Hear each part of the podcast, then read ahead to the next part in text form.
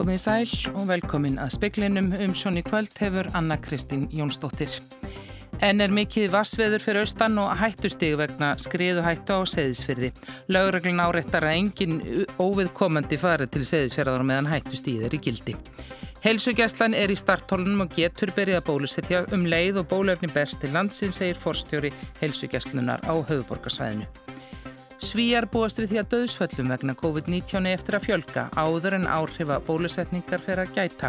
Nú hafa tæplega 8.000 látist í Svíþjóð í farsóttinni. Formen sjómanafélag Gagarína þyrluleysi landhelgiskeslunar og segja það ólíðandi beðið er eftir auka hlut í þyrlu sem verður ekki útkallshæf fyrir en annað kvöld. En fósrignir á austfjörðum og hættustig er í gildi vegna skriðu falla á segðisfyrði og óvissu stig á austurlandi. Aðgera stjórn fyrir austana áreittar sérstaklega tilmæli sótvarnalæknis um að enginn fari milli landslutað nöðsynja lausu og þá sérstaklega að enginn óviðkomandi umferð sér til segðisfjörða á meðan að hættustig er í gildi. Brínt sé að halda sótvarnir og koma í veg fyrir möguleg COVID-smitt. Í tilkynningu eru ferðamenn, fréttamenn, tilkallaði sérfræðingar og fleiri sem higgjast halda halda til seiðisfjörðar og meðan ástandið varið beðnir að leita fyrst til lauruglu. Rýming er enn í gildi á seiðisfjörðinum 120 manns þurftu að yfirgefa heimili sín í fyrradag. Kristján Ólafur Guðnason yfir lauruglu þjóttna Ístulandi segir að menn hefði áhyggjur af því hvaða þýtti að smitt kæmu upp. Staðan sé viðkvæm og ekki á það bætandi. Heilsugjæslan getur líklega byrjað að bólusittja strax dægin eftir að bólefni besti landsinn, segir forstjóri heilsugjæslunar á höfuborgarsæðinu. Ljóst er að tafir verð á afhendingu bólefnis en þó er gert ráð fyrir að fyrstu skamtarnir um 5.000 berist umið eftir jól. Skömmtunum verður drift á heilsugjæslu stöðvarum allt land. Í mestum forgangi er að bólusetja framlínu starfsfólki í heilbriðiskerfinu. Óskar Reykdalsson, forstjóri heilsugjæslunar á höfuborgarsvæðinu, segist bara vera býða eftir bóluefninu. Ja, við erum í startfólunum og tilbúin til þess að bólusetja alveg leið og bóluefni kemur. Ef ég skil rétt þá er þetta afgreitt vist að lígastofnun leið að kemur til landsins og þá erum við tilbúin bara daginn eftir eða þar á eftir þannig að við erum alveg í startfólunum. Og þetta geti gæst bara á milli jól og nýjás? Ef að bólefni kemur þá erum við, stökkum við í þetta. Þetta er nú ekki mjög margir skamtar, þannig að við erum ekki lengi að því. Hefur það áhrif á fyrirkomunaði? Það var nú talað um að þurfti jafnvel að leia skemmur. Þið kannski sjá ekki fram á það þegar skamtarnir eru svona fáir? Nei, við erum með mjög góð aðstöðu á Suðlandsbröðinni þar sem við getum bólusett og opna fleiri inganga og Þannig að við getum gert þá þar ef þetta eru til fyrir að fáir. Sagði Óskar Reykdalsson, Arnildur Haldanadóttir talaði við hann og meira verður fjallaðum bólefni síðar í speklinum. Þórólfur Guðnarsson sótvarnalegnir er komin í sótkví eftir að smitt greindist hjá starfsmanni embættis landlegnis. Þórólfur fór í sínatöku í dag og býður niðurstöðunar. Við tekum nú fimm daga sótkví að Þórólfi og önnur sínataka á fymta degi. Ísland þarf að bæta verulega getu til að greina alþjóðlega mútubrót og merki þess að slík brót eigi sér stað hér. Þetta kemur fram í nýri skýrslu starfshóps efnags- og framfarastofnunarinnar OECD um alþjóðleg mútubrót.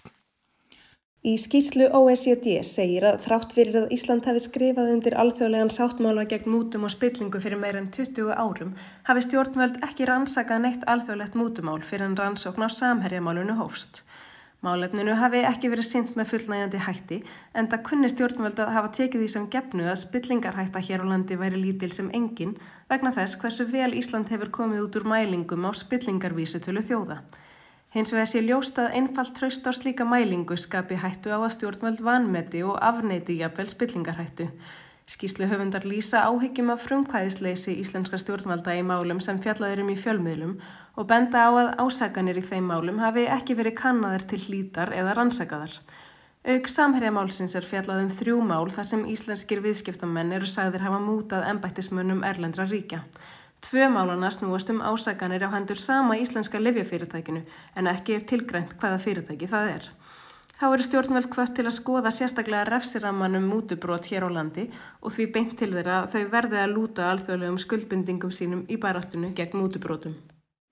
Hildur Margret Jóhannsdóttir tók saman. Annes Tegnell, sótvarnalæknir Svíþjóðar býst við því að döðsföllum vegna COVID-19 eigi eftir að fjölga áður en áhrifa bólusetningar fer að gæta þar. Koronaveiran heldur áfram að breyðast út með miklum hraða og virðast svíjar ekki ná tökum á útbreyðslunni. Tilkynnt var um 91 döðsfall vegna COVID-19 í dag og nú hafa 7893 látið lífið í farsóttinni. Yfirvöld voru fyrir vikunni harlega gaggrind vegna setna og ómarkvisra viðbraða í skýslu nefndar sem skipuð var til að meta aðgerði sóttvarnar yfirvalda. Karl 16. Gustaf Svíakonungur bættist í dag í hóp þeirra sem lístu harmi vegna þess fjölda sem hefur látið lífið. Stort antal som har avlidit helt enkelt og det er ju fruktansvärt. Afar óvinnlegt er að konungur gaggrinni stjórnvöld. Stefan Löfven, forsættisráþara, vek sér í dag undan að svara gaggrinni nefndarinnar og sæðist tólka orð konungs þannig að svo staðrind að svo margir hefðu látist þýtti að stefnan hefðu verið misráðinn. Jag tolkar kungens svar eh, som ett eh, bekräftande på det vi redan har sagt. Att det faktum att så många människor avlidit, det är ett misslyckande. Svíjar hafa farið langvest Norðurlanda út úr koronaveiru faraldrinum Þar höfðu fyrir vikunni 757 af hverji miljón íbúa látist úr COVID-19, samsvarandi tölur voru 166 í Danmörku, 84 í Finnlandi, 82 á Íslandi og 73 í Noregi. Bói Ágússon tók saman. Formenn sjómanafélaga sendu frá sér yfirlýsingu í dag þar sem þeir gaggrindu þyrlu leysi landhelgiskeslunar. Eina tiltæka þyrla hennar bilaði fyrra dag og er beðið eftir varahlut. Vanarlega hefur landhelgiskeslan tvær þyrlur tiltækar. Vegna verkfalls flugvirkja sem stöðuða var með lagasetningur eitt fyrir mánamót tafðist reglubundin eftirlits skoðun á hinni þyrlunni en hún svo verður út kallshæf í næstu viku. Einara Hannes Harðarsson er formaður sjómana og vélstjórafélags Grindavíkur. Við þurfum á þessu að halda. Þetta er okkar björgunatæki, alveg eins og sjúkarabyllir björgunatæki þeirra sem að vinnaði landi. Þetta er bara mjög mikilvægt mál fyrir okkur og þetta má ekki gerast. Guðmundur Helgi Þóransson, formaður félags vélstjóra og málmtæknimanna bendir líka á að ef aðeins einn þyrrla sé til taks, takmarkist svo vegalengt sem þyrrlan má fljúa á sjó án fyldar. Þyrrlunar hafi alltaf segja um líf og limi sjómanna og félagsmennum finnist þessu synd af hálfkæringi. Í nýju frumvarpi sjávarútvegs og landbúnaðar á þeirra er lagt til að tekin verði upp ablamarkstjórn eða kvóti á grásleppu sandkolla í allri fiskaðilandhelginni sem og sæbjúum. Frumvarpið sem lagt var fram sem þingstjál í gær er til breyting á lögum um veiðar í landhelginni og lögum um stjórn fiskveiða. Þar segir að ráþæra sé heimilt með reglugjörð að ákveða staðbundin veiðisvæði við grásleppu veiðar þannig að þar geti aðeins stund að veiðar bátar sem skráður eru frá byggðarlægi við hlut að eigandi veiðisvæði og útgjörð bátsins eigi þar heimilisfesti. Í greinargerð með frumvarpinu kemur fram að ókostir núverandi veiðistjórnar grásleppu hafi komið vel í ljós á síðustu grásleppuvertíð. Veiðar hafi verið heimilaðar í tiltekinn fjölda daga en þegar á leið hafi ljóst orðið að stöðva erði veiðarnar fyrir en ætlað var með hlýðstjón af ablaráðgjöf Hafrannsóknarstofnunar. Það hafi komið misjaflega niður á þeim sem veiðarnar stunduðu því mismunandi hafi verið hvenar þeir hófi veiðar. Í greinargerð starfshóps sem ráð þeirra skipaði 2018 kemur fram að það sé ókostur að veiðiheimildir séu bundnar ákveðnum dögum og verði til þess að haldi sér til hafs í misjöfnum veðrum ekki tekið tillit til bilan eða veikinda og maks meðabla. Jafnframt að ekki lægi fyrir í byrjunvertíðar hver marga daga hverjum leifis hafa sér heimilt að stunda veiðarnar. En leikur ekki fyrir hvenar Kristján Þóru Júliusson, sjávar útvegs og landbúnaðar á þeirra, mælir fyrir frumvarpinu. Markus Stóraldsson saði frá.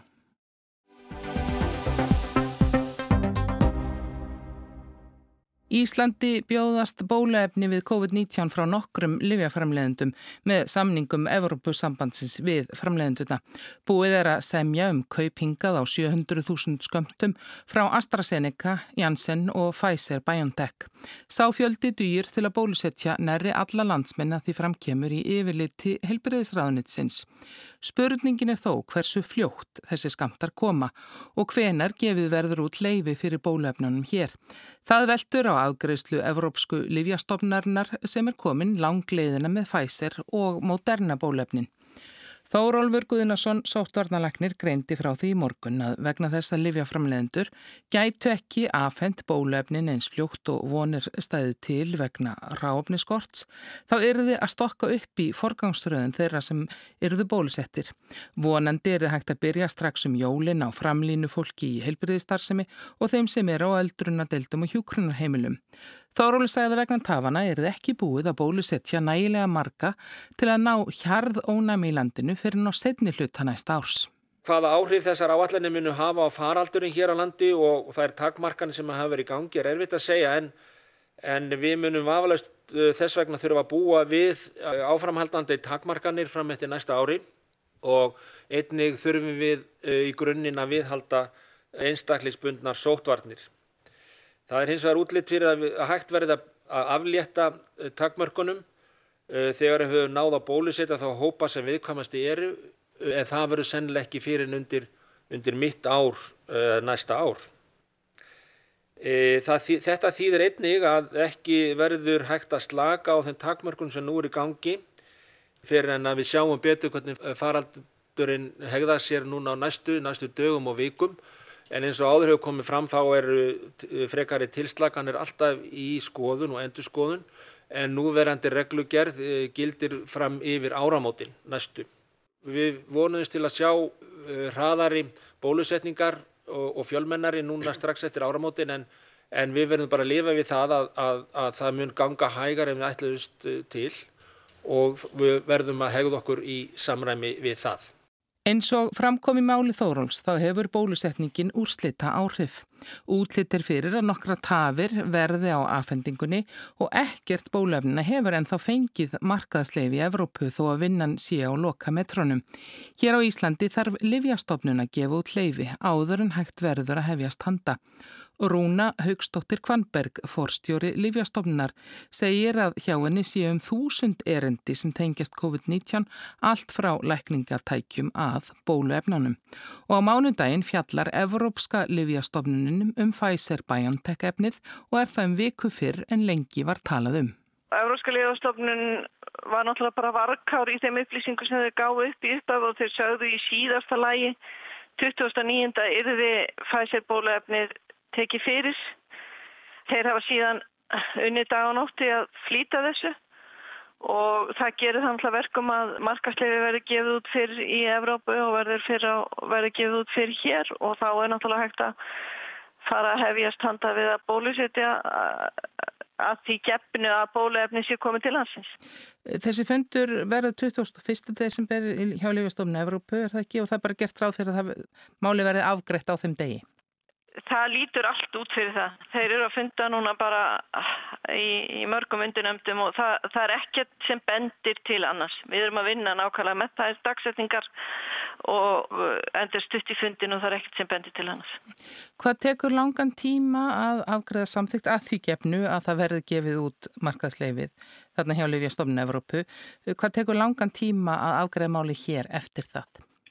Sko, Európska lífastofnunin gefur það sem er kallað jákvægt álit á að markaslefi sé gefið út komissjónin. Európska uh, komissjónin gefur síðan út markaslefið og þeir muni gefa út leifið líklega 2003, annarkort sent 2003 og þá eru við annarkort klár bara sama dag eða daginn eftir. En hvað fælst í ykkar samþitt? Hver er að aðkoma livjastofnunar að þess, í þessu ferli núna? Sérfæðingar okkar hafa komið að þessari ákvörðin og sitið í, í, í þessum sérfæðingarhópum. Svo það er einhliðin að þessu. Önnulíðin er náttúrulega að það fari, það fari ekki ekki hjá okkur náttúrulega tekstar. Allt verður að vera á íslensku. Svo það verður að, að liggja fyrir og svo leiðis að það er aðkoma okkar að sjálfu markasleifinu annars er Eh, sérfæðið þekking og, og innkoma í eina ymsu undirhópa hjá Eurósku lífastofnun sem snýr bæði að mati á, á lífinu og líka bara svona praktískum hlutum eins og merkingum og umbúðum og einhverju slíku og síðan er þetta náttúrulega bara þetta formlega atrið að gefa út, út markaslefi af því að við erum ES ríkis og það er ekki komissjónu sem gefur út markaslefi fyrir okkur og í millitíðinu hafa náttúrulega íslensku textatni verið klárir og eru þá tilbúinir fyrir Íslensk heilbriðstarfsfólk og sjúklinga geta lesið sér til um það. Og þetta verður allt frágengið ef svona framvindur sem horfir fyrir jól? Já. Við erum að horfa að það, við erum að tala um bara þálagsmessu sko. Mm líklegast eins og þetta horfir eða, eða aðfangadag. Við höfum náttúrulega heilt fréttir af því að það sé byrjað að bólusetja til dæmis í Breitlandi þar að menn sko gáðu menn út svona einhver, tóku menn einhverja mei, ennþá meiri flíti meðferð á, á þessu og á tóka ákvarðanum. Hefðum við geta gert það?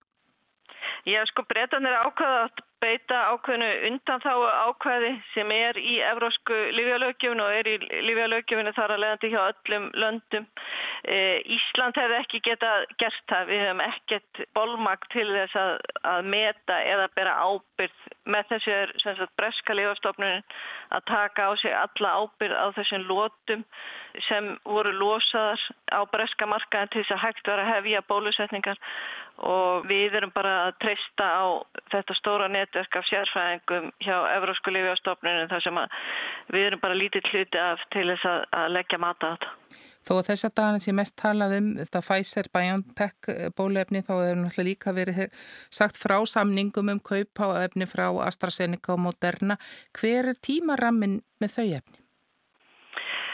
Þessi lif eins og Pfizer-BioNTech uh, voru sett í svo kallar áfangamatt hjá Eurósku lífastofnun sem þýðir það að öllu er, er flýtt eins og hægt er og annað lagt til hliðar og það þýtti það að fyrirtækja gáttu skilaðinn öllum gagnum bara um leið og þau bárust í þess að þurfa að gera þetta við lók þegar öllum rannsóknum er lókið. Moderna er næst í áfangamatinu að ljúka áfangamati hjá Eurósku lífastofnunu þeir eru ennþá að halda sér við dagsvetninguna 12 janúar að það verið tekið fyrir að fundi þá nákvæmlega hvort að þær tímalínur færast eitthvað til eins og gerðist núna hjá Pfizer. Þetta er þeir segja í síðasta lagi. Og svo er AstraZeneca fljótlega þar á eftir. Þeir hafa ekki gefið út dagsetningu á fund þar. Sagði Rúna Haugstóttir Kvanberg forstjóri Livjastofnunar Talsverður fjöldi Íslendinga verðist telja að hriðjuverka ógmyndi aukast ef flótamönnum frá múslimalöndum fjölgaði. Helmingur landsmanna er hins vegar hlindur því að hinga komi fleiri flótamenn. Þetta kemur fram í nýri rannsókn. Það voru Margreti Valdimarstóttir, lektor við hug- og félagsvísindasvið Háskólans á Akureyri og Guðbjörg Andrea Jónsdóttir, fórstuðum aður félagsvísindastofnunar Háskóla Íslands, sem gerði þessa rannsókn í lok síðasta ás. Megin niðurstan er að rúmur helmingur Íslendinga vill að Ísland taki við fleiri flottamennum og að fjöldi muslima í þeim hópi verði ekki takmarkaður.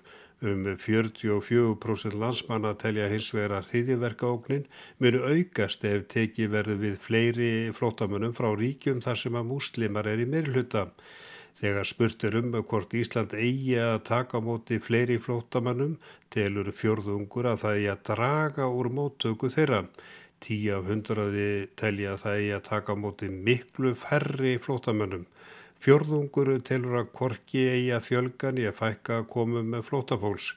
Um 50 af hundraði landsmanna er samála því að taka í við fleiri flótamönnum. Það er bleið 19% að það eigi að fjölga þeim aðeins en 13 af hundraði vilja að hinga að komi miklu fleiri. Þegar spurtur um hvort viðkomandi sé sammála því að það eigi að fækka að koma með flótamanna með múslískan bakgrunn eru næri 44% ósamála því. Um 29% segja korkin ég en yfir 27% eru samála. Yfir 1200 eru mjög samála. Margret Valdimarsdóttir segir að tilgangurum með rannsóknir hafi verið að kanna á ítarlegan hátt hver viðhorf Íslendinga eru til flótamanna meðal annars hvort óttin við þrýðiverka ógn hafi áhrif á afstöðu fólks. Það er orðið svo sterk tenging hjá fólki í hugum fólks þessi á milli ekki bara flóttafólks og múslima, heldur líka múslima og þrýðiverka og þetta hefur töluverð áhrif á hvernig fólk sér komið flóttafólks.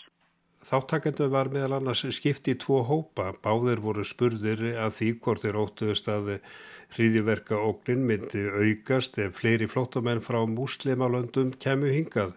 Annar hópurinn fekk jáfnframt að vita að rannsóknir síndu að ekkert samengi væri þarna á milli.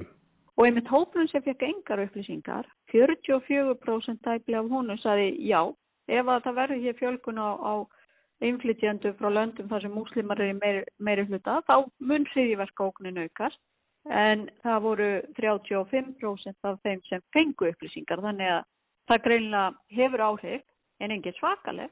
Afstæða fólks eftir mentun og stjórnmálaskoðunum var mismunandi.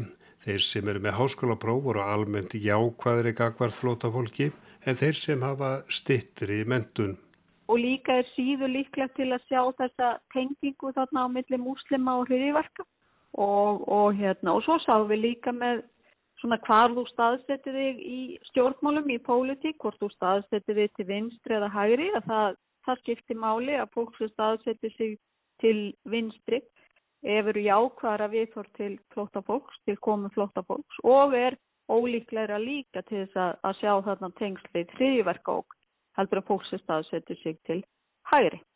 Margrið segir ljóst að það séu ymsi þætti sem hafa áhrif á afstöðu til flótafólks, beðal annars óttin við hriðiverk.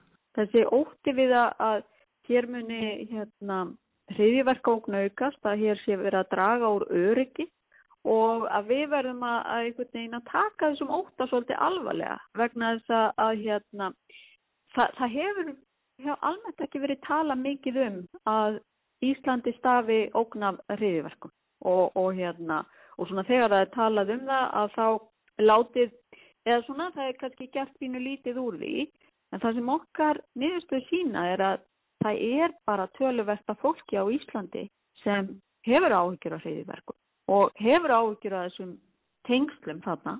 Eh, að sko ógniminu aukast að ógnin munu aukast ef hinga komið fleiri flótamenn frá löndum þar sem að múslimar er í meirhluta. Markið segir að í konuninni komið fram að fólk gerir almennt ekki greinarmun á hvaðan flótafólk komi, sumi líti á alla flótamenn sem muslima. Og það eru þetta þannig að, stærsti hluti flótafólk sem hefur komið til Íslands er frá Sýrlandi og Írak og frá þessu löndum þar sem muslimar eru í meirhluta og það á sama við um önnur Evrópuland og þetta hefur gert það að verkum alls konar fordómar sem fólk hefur í garð múslima að þessi fordómar hafa áhrif á viðhórs til flóttafólks drátt fyrir að mikill fjöldi flóttafólks sé komið frá hérna hafi alls konar bakgrunn. Sagði Margret Valdimarsdóttir, Arnar Páll Haugsson talaði við hana.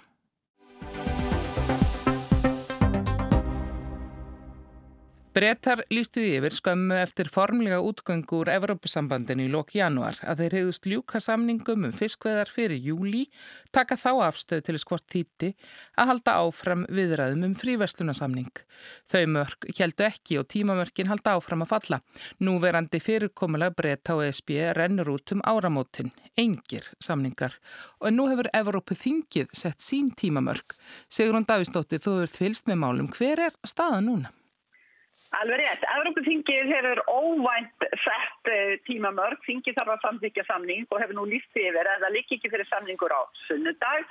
Það nái fingið einfallega ekki að afgreðan fyrir áramót. Staðan almennt er næstum óraunverulega því leiti að 66 miljón manna þjóð veit ekki hvert viðskiptasamband landsins við stærstu viðskiptablokk sína verður núna eftir 15 daga. En það hangir margt fleira á spýtunni sem þarf líka að semja um eins og flugsamgöngur og lauruglusamstarf. Það er margskonar samvinna sem hefur þróast í Evrópusamvinnunni þau 47 ár sem breytar hafa verið aðilar aðinni og svo er það fiskveðarnar afar erfiður líður að eiga við, eh, ekki hluti af fríhjóðslunarsamningnum en hluti af því sem er verið að semja um. Frettinnar hafa verið af eða á alla vikuna heyrist úr ESB áttin að það sé möguleikja á samningi, lítið frá bresku stjórninni nema helst að séu fyrir ekkara litlar líkur á samningi. Er hægt að henda reyður á því hvort að samningunum miðar áfram eða ekki? Það er ljóslega heilmikil pólitísk leiksýning í gangi eins og segir, það heyrist mun minna frá bresku stjórninni en frá ESB. Boris Johnson, fórsættsráður að breyta, hefur verið ábyrrandi þögull þessa vikuna, anstætt því sem hann var fyrir viku síðan Það er meira frá en auðvitað ekki fyrir en samningur líku fyrir eins og von der Leyen, fórsettir ESB, sæði í í gerðmorgun.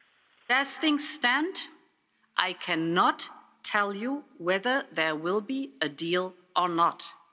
But I can tell you that there is a path to an agreement now The path may be very narrow, but it is there.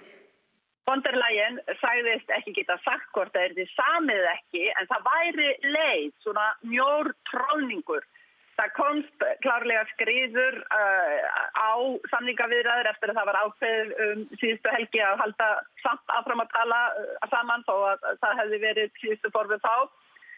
Og uh, nú væri afarstutt á milli samlingsaðila en líka býsta langt meðan er ósamið, sagði von der Leyen. En þegar að tala með sér ekki, ekki mikið eftir, hvað þýðir það? Varðandi umfang samningsins þá er talað um að 97% af sjálfum fríverslunarsamningnum líki fyrir í texta. En það kemur auðvitað fyrir lítið eða næst ekki að senja um síðustu 3%. Þannig að þar standa þau málinn. Það eru áfram sömu málinn sem strandar á samkjöfnismálinn. Hvernig á að leysa deilur vegna samningsins og já, svo fiskveðarnar er það ekki? Jú, það er alltaf einhverjar útgáfur af þessum uh, fremur málum eða málaflokkum uh, sem að vera standa í samlýsæðlum. Von der Leyen gaf þó ímislegt til kynna í tölusinni á Evróputingin í gær og þá líka það að úrræði til að leysa deilur uh, virðast nú frá. En það stendur ennþá eftir samkefnismálinn og fiskveðarnar? Emitt, von der Leyen tók undir fyrir frettir um mögulega löst á samkefnismálum Bóðskapur ESB við breyta hefur verið ef þið viljið aðgang að ESB-markanum anþess að vera í innri markanum eins og til dæmis Íslandingar og normenn og gangast á undir regluverki þar þá verðum við að geta verið vissum að þið séuð ekki um leið með lægri staðla til dæmis í vinnurétti og umhverfsmálum sem þýttir þá óhagstæða eða óhagstæðri samkjæftnistöðu fyrir ESB-löndin. Þið breytar fáið þennan aðgang ef við gangist undir að fylgja nöðsulum stöðlum og reglum um alla framtíð. Og þá hafa breyta sagt, við erum að yfirgefa ykkur, við erum sjálfstætt ríki, við getum ekki gengist undir eitthvað svona. Svarið SP hefur þá verið að allt í lagi, en þá áskiljum við okkur líka rétt til að slengja á tollum og kvótum. Sem breytum hafa þótt óásættanlegar refsi aðgerðir, en þetta virðist vera leist allavega eins og fondalagið tala um, einhver mjór tróðningur af lust í þessum efnum. En þá er það fiskurinn. Hvar standa þau mál? Ef markam á tölu fondalagið ekki er, þá slær ESB líklega af í þessum efnum. ESB vildi halda í þeim mest af uh, sínum kótum í breskri landhelgi í viðbót við stöðuleikan sem fylgir núverandi kerfi.